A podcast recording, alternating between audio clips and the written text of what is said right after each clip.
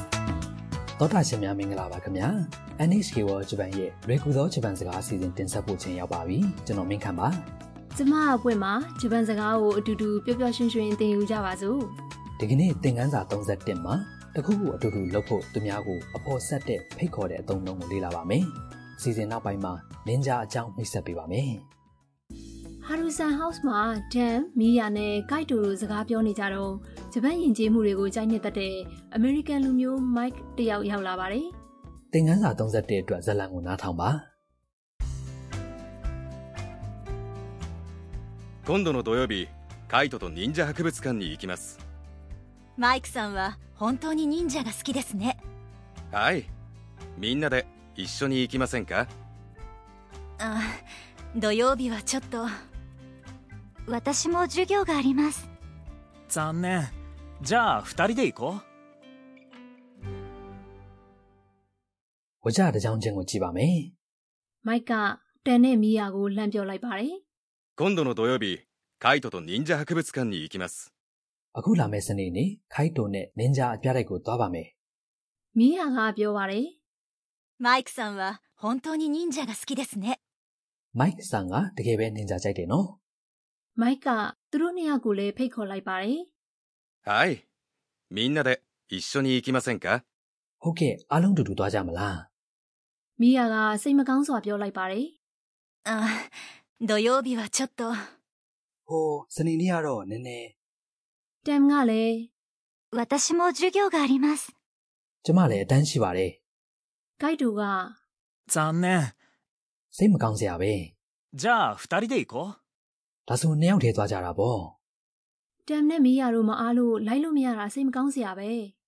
ဟုတ်တယ်နော်မိုက်နဲ့ခိုက်တိုတို့သွားမဲ့နင်ဂျာပြတိုက်ကနင်ဂျာတွေရဲ့ဇာတိမျိုးဖြစ်တဲ့မီးရဲခရိုင်ကဤကဦးဝဲနိုမှာရှိတာမပွင့်ရင်အဲ့ဒီနင်ဂျာပြတိုက်မှာနင်ဂျာတွေရဲ့အိမ်တွေကိုလေ့လာကြည့်ရှုလို့ရတယ်နင်ဂျာပြဝဲတွေလည်းကြည့်လို့ရတယ်ဒီကနေ့အတွက်အဓိကအသုံးအနှုန်းက 一緒に行きませんか အတူတူသွားကြမလားဖြစ်ပါတယ်။ဒီပုံစံကိုသိသွားပြီဆိုရင်တစ်ဖက်လူကိုဖိတ်ခေါ်တာအဖို့ဆက်တာတွေပြောတတ်သွားပြီဖြစ်ပါတယ်။အဓိပ္ပာယ်ကိုကြည့်ပါမယ် 一緒に ။ဆိုတာအတူတူ 行きません ဆိုတာကရိယာ 行く သွားတယ်ရင်ရရင်ကြီးကြီးပြောတဲ့အငင်းပုံစံဖြစ်ပါတယ်။ဒါပေမဲ့အမေးပစ္စည်းခကိုထည့်လိုက်တဲ့အခါဖိတ်ခေါ်တဲ့အဖို့ဆက်တဲ့အတုံးတုံးဖြစ်သွားပါတယ်။ဒီကနေ့အတွက်အဓိကအချက်က 一緒に行きませんか ဆိုတဲ့ပုံစံမှာ must ပုံစံကရိယာရဲ့ must ကို ません လုတ်ပြောင်းပြီးရင်အဆုံးမှာခကိုပေါင်းပြီးတော့အတန်မြင့်ပြီးပြောလိုက်တဲ့အခါဖိတ်ခေါ်တဲ့အဖို့ဆက်တဲ့ပုံစံဖြစ်သွားပါတယ် တရရှင်တို့တစ်ခေါက်ပြန်နားထောင်ပြီးနောက်ကလိုက်ပြောကြည့်ပါ 行きませんか一緒に行きませんか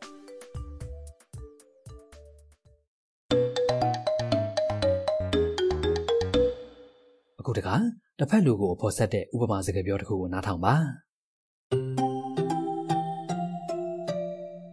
今晩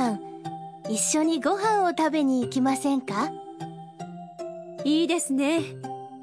行きましょう ။အဓိပ္ပာယ်တွေကိုကြည့်ပါမယ今晩်一緒にご飯を食べに行きませんか ဒီညညစာအတူတူသွားစားကြမလား 今晩 ။ကဒီည 一緒に ကအတူတူ ご飯 ဆိုတာထမင်းညပိုင်းဆိုတော့ဒီနေရာမှာညစာဖြစ်ပါတယ်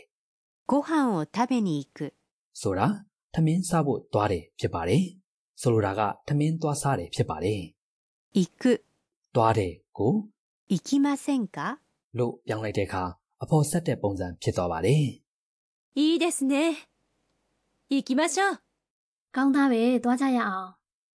いいですね ။ဆိုတာတစ်ဖက်လူရဲ့စိတ်ကူးအကြံဉာဏ်ကိုသဘောတူကြောင်းပြောတဲ့အခါသုံးပါတယ် 行きましょ ။ဆိုတာ う行く ရဲ့မရှောပုံစံဖြစ်ပြီးဒီနေရာမှာတော့တစ်ဖက်လူရဲ့ဖိတ်ခေါ်မှုကိုလက်ခံပြီးတုံ့ပြန်ပြောဆိုတဲ့စကားစုဖြစ်ပါတယ် ။တင်ငန်းစာ20နှစ်မှာတုန်းကတော့မရှော့ကိုရှာရှင်းကိုတူဒီမရှော့ဓာတ်ပုံရိုက်ကြရအောင်လို့အဖော်ဆက်တဲ့ခါမှာသုံးတယ်နော်။ဒီမဆန်ကာနဲ့မရှော့ကဘာကွာလဲ ။မရှောက အဖော်ဆက်တာကိုလက်ခံစေဖို့တစ်ဖက်လူကိုတွန်းအားပေးသလိုသဘောပါပြီးမဆင်ကကတော့တစ်ဖက်လူရဲ့အခြေအနေကိုမေးမြန်းတဲ့သဘောပါတဲ့ယဉ်ကျေးတဲ့အသုံးအနှုန်းဖြစ်ပါတယ်။ နားလည်ပါပြီကဲသောတာရှင်တို့ပြန်နာထောင်ပြီးလိုက်ပြောကြည့်ပါဦး ご飯を食べに行きませんか一緒にご飯を食べに行きませんか今晩一緒にご飯を食べに行きませんか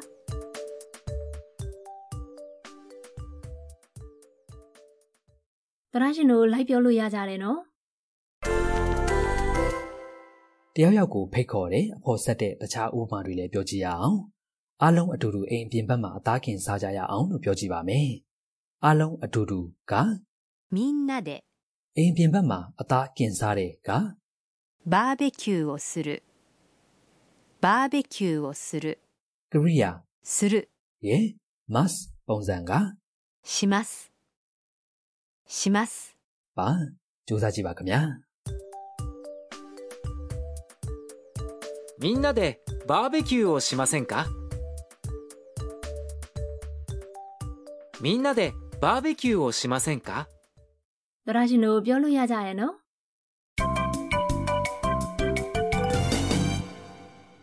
ဒီကနေ့အတွက်အဖို့စုစကားက Mike ကအတူသွားဖို့ဖိတ်ခေါ်တော့မင်းရကပြန်ပြောလိုက်တဲ့စကားပါအလွတ်မှတ်ထားပြီးပြန်သုံးကြည့်ပါခင်ဗျာ 土曜日はちょっとちょっと ရဲ့မူရင်းအဓိပ္ပာယ်ကနည်းနည်းဖြစ်ပါတယ် ちょっと ဆိုပြီးအဆုံးမှာအတန်ကိုဆွဲပြီးပျော့ပျော့ပြောင်းပြောင်းပြောရင်သိမပြောချင်တာကိုပြောရတယ်ဆိုတဲ့သဘောကိုဖြစ်စေပါတယ်။ဒါကြောင့်အာတုံအာနာညင်းဆိုတဲ့အသုံးအနှုန်းဖြစ်သုံးတာများပါတယ်။တနည်းအားဖြင့် 土曜日はちょっと ဆိုတာစနေနေ့ဆိုအဆင်မပြေပါဘူးမလိုက်နိုင်ပါဘူးလို့ဓာတ်ရိုက်မပြောဘဲတွေဝိုက်ပြီးအာနာနာနဲ့ညင်းဆိုတဲ့သဘောဖြစ်ပါတယ် သောတာရှင်တို့ပြန်နာထောင်ပြီးလိုက်ပြောကြည့်ပါ 土曜日はちょっと ။ဒီကနေ့ရဲ့ဇတ်လံကိုနောက်တစ်ချိန်ပြန်နှားထောင်ကြရအောင်။မိုက်ကတခြားသူတွေကိုဖိတ်ခေါ်နေတဲ့အပိုင်းကိုသိကြနှားထောင်ပါ 今度の土曜日カイトと忍者博物館に行きますマイクさんは本当に忍者が好きですねはいみんなで一緒に行きませんかあ土曜日はちょっと私も授業があります。残念じゃあ二人で行こう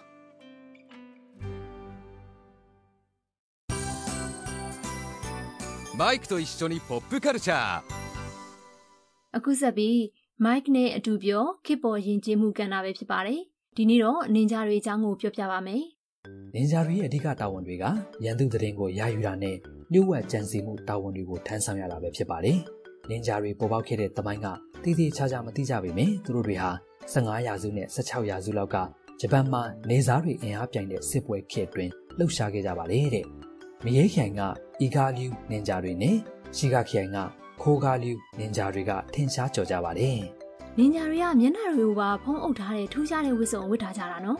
ဟုတ်ပါတယ်ဒါပေမဲ့တစ်ခါတရံမှာတော့ရန်သူနယ်တွေကိုကျူးကျော်ဝင်ရောက်နိုင်ဖို့အတွက်ကုံတယ်ဖုန်ကြီးနေလေအမှုပညာသမားစသဖြင့်ရောင်းဆောင်ပြီးရုပ်ဖြတ်ဝတ်စားကြတာလည်းရှိပါတယ် နင်ဂျာတွေကမော်တက်လိုမျိုးလှည့်စားတဲ့အတတ်ပညာတွေကိုလည်းတက်ကြတယ်လို့ကြားဘူးတယ် အဲဒီလိုမျိုးမန်ဂါကာတွန်းတွေရုပ်ရှင်တွေထဲမှာပါတဲ့မော်တက်ပညာတွေကတော့စိတ်ကူးရင်ဖန်တီးထားတာတွေလည်းပါပါတယ်ဒါပေမဲ့နင်ဂျာတွေတကယ်တမ်းသုံးဆွဲတဲ့ပညာတွေလည်းရှိပါတယ်နင်ဂျာခြေလက်နက်ရှူရီကန်ပြစ်တဲ့အတတ်ပညာရန်သူတွေသူတို့ကိုမထောက်လန့်နိုင်အောင်မသိရှိနိုင်အောင်အတတ်မထွက်ပဲလမ်းလျှောက်တဲ့အတတ်ပညာ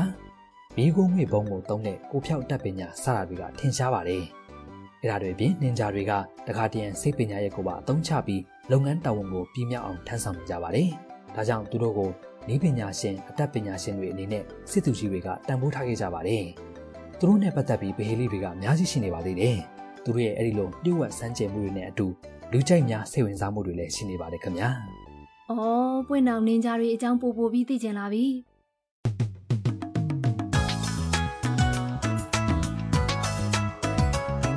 သောတာရှင်တို့ဒီကနေ့ရဲ့လွယ်ကူသောဂျပန်စကားအစီအစဉ်ကိုနှစ်သက်ကြမယ်ထင်ပါတယ်။ ။နောက်တစ်ပတ်မှာတော့ Mike နဲ့ Kaito တို့မီးရဲခိုင်ကနင်ဂျာပြတိုက်ကိုရောက်သွားတဲ့အကြောင်းပါ။နောက်တစ်ပတ်မှာပြန်ဆောင်ကြမယ်နော်။